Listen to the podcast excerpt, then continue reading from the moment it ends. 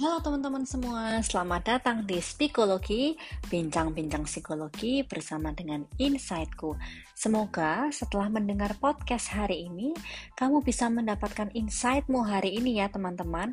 Selamat mendengarkan. Halo Sobat Insight, bertemu lagi dengan aku, Tias Renata, di podcast Psikologi episode yang ke-9. Sebelum mulai, aku mau tanya nih ke Sobat Insight semua. Apakah saat ini kamu sedang berlomba-lomba dalam hidupmu? Nah, tentunya pada podcast kali ini aku nggak sendirian nih. Kita akan ditemani juga oleh Kak Christine. Halo Kak. Hai Renata, gimana nih kabarmu hari ini? Puji Tuhan baik, Kak. Kak Christine sendiri gimana baik. nih? Wah, puji Tuhan juga nih, kamu baik, kabar saya juga baik. Nah, hari ini kita mau bahas soal apa nih di podcast hari ini, Ren? Jadi, hari ini kita akan bahas satu topik yang mungkin banyak dari Sobat Insight yang relate nih, Kak.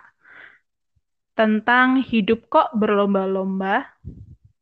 Oh, Oke, oke. Hidup kok berlomba-lomba menarik ya, karena aku lihat kemajuan teknologi, kita jadi bisa sharing berbagai macam hal ya di sosial media ya, Ren ya. Gitu. Bener banget, Lalu Kak. rasanya jadi kayak, wah kita kok ketinggalan sendiri ya, orang lain udah sampai sini loh, diam-diam gitu kan. Bener banget. Nah, ngomong-ngomong masalah hidup kok berlomba-lomba, dari Kak Christine sendiri, punya nggak sih Kak pengalaman uh, di mana hidup tuh jadi ajang perlombaan gitu.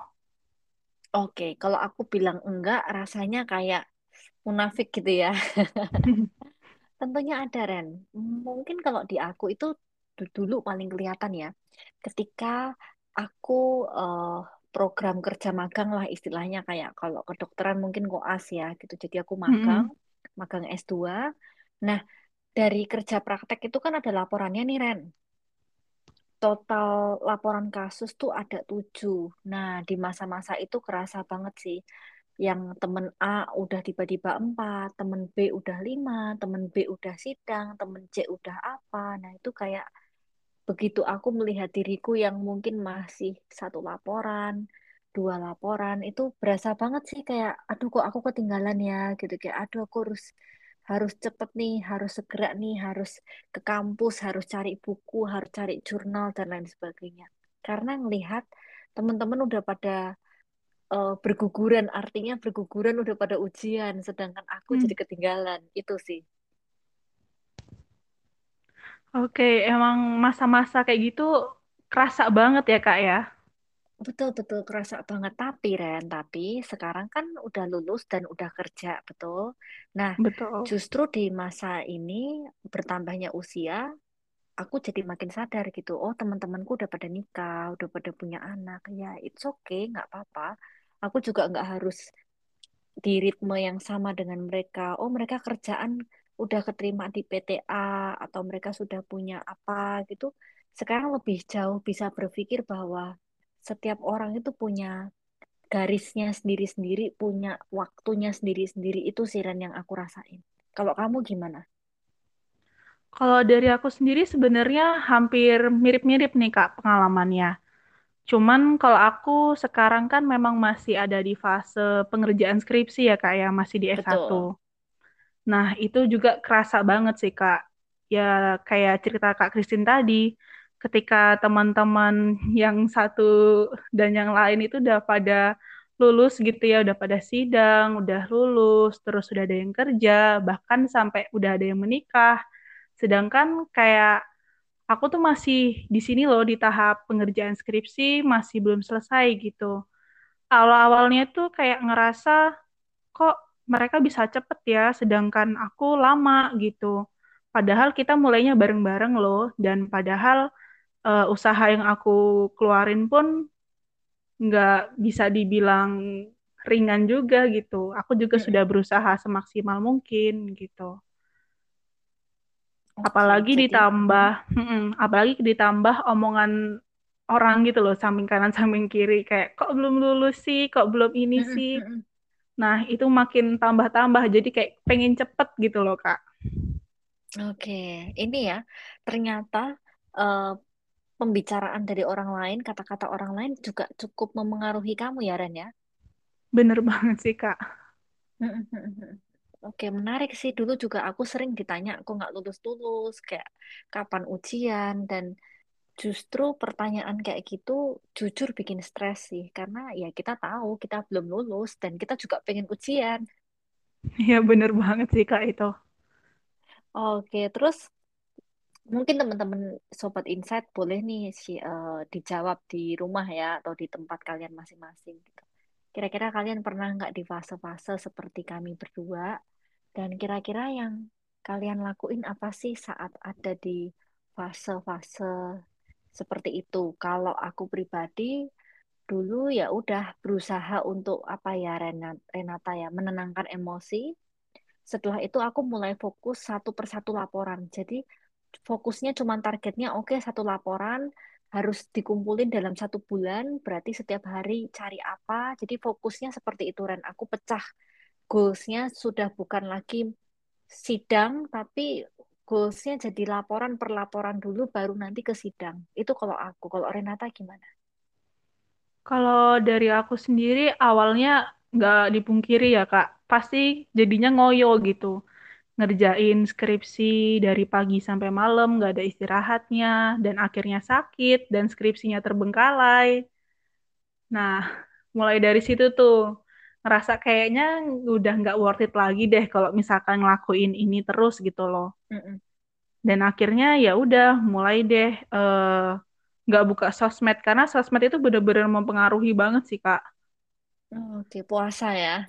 Mm-mm, puasa sosmed terus mulai juga tuh eh, sharing, beraniin sharing ke teman-teman dekat gitu yang memang lagi ngerjain skripsi juga. Terus dari sharing itu pun kita jadi tahu tuh loh satu sama lain kalau oh yang kamu rasain tuh sama lo kayak aku, jadi kamu tuh nggak sendirian kayak gitu sih. Oke, berarti aku nangkep nih ya. Punya support system ya. Nah, punya support system itu salah satu yang penting ya, Ren ya, di fase-fase yang melelahkan ini, betul? Bener banget, Kak. Karena kan Hmm, mm-mm. kayak fase ini pun kita nggak tahu selesainya kapan kan. Jadi memang butuh banget support dari orang-orang terdekat sih. Oke, oke, oke, oke nih. Kalau aku bilang pembelajaran jadi dewasa ya, gitu. Awalnya, kalau buat aku pribadi ya, awalnya berpikir bahwa ya semuanya tuh kayak lomba, tapi setelah makin dewasa, makin melihat, ya nggak bisa dilombain juga gitu. Karena memang tiap orang menghadapi masalah yang berbeda, punya kemampuan yang berbeda, punya dukungan yang berbeda, kesannya malah nggak adil gitu kalau diperbandingkan. Kalau menurut Renata gimana? Bener banget sih, Kak. Karena kalau mau dibanding-bandingin terus juga capek gitu loh, Kak, ngerasainnya. Kayak ya aku, Kak Christine, dan Sobat Insight juga kan punya tujuan masing-masing, punya kehidupan masing-masing, dan punya cara masing-masing gitu loh. Jadi ya nggak bisa dipukul rata gitu. Oke, menarik sih ini. Nah, semoga teman-teman dapat ya eh, insight baru dari pembicaraan kita di hari ini. Nah, kemarin tuh aku sempat loh Kak buka Q&A di Insightku Psikologi di Mm-mm. Instagram. Nah, ternyata banyak nih Sobat Insight yang eh, bilang kalau perlu banget nih keluar dari arus hidup yang seakan-akan jadi ajang perlombaan. Oke, kenapa? Mereka merasa perlu karena apa, Ren? Ini ada Sobat Insight yang bilang kalau capek dan nguras perasaan gitu ya Kak. Kalau misalkan Mm-mm. harus lomba-lomba terus gitu sama orang lain. Mm-mm. Terus ada juga yang bilang kalau terus-terusan itu tuh bakal menyiksa diri sendiri gitu. Terus ada juga yang bilang kalau setiap orang tuh punya tujuan masing-masing. Jadi nggak usah pikirin orang lain. Oke. Dan yang terakhir ada nih Kak, yang mungkin menurut aku juga ini relate sih. Sobat Insight ini bilang kalau dia ngelakuin supaya bisa bahagia. Karena ya memang tidak bisa dipungkiri ya kalau ketika kita lomba-lomba sama orang lain, itu tuh kebahagiaan kita seakan-akan jadi dirampas gitu loh. Jadi nggak bisa nikmatin hidup gitu. Betul. Menarik ya, walaupun memang kebahagiaan tuh faktornya nggak hanya tunggal ya gitu. Tapi ini Hmm. bisa menjadi salah satu cara untuk kita benar-benar fokus ke kehidupan, fokus terhadap apa yang kita punya, apa yang bisa kita tingkatkan, apa yang bisa kita kontrol, lalu melepaskan apa yang nggak bisa kita kontrol. Nah, itu bikin hidup kita jadi lebih berkualitas.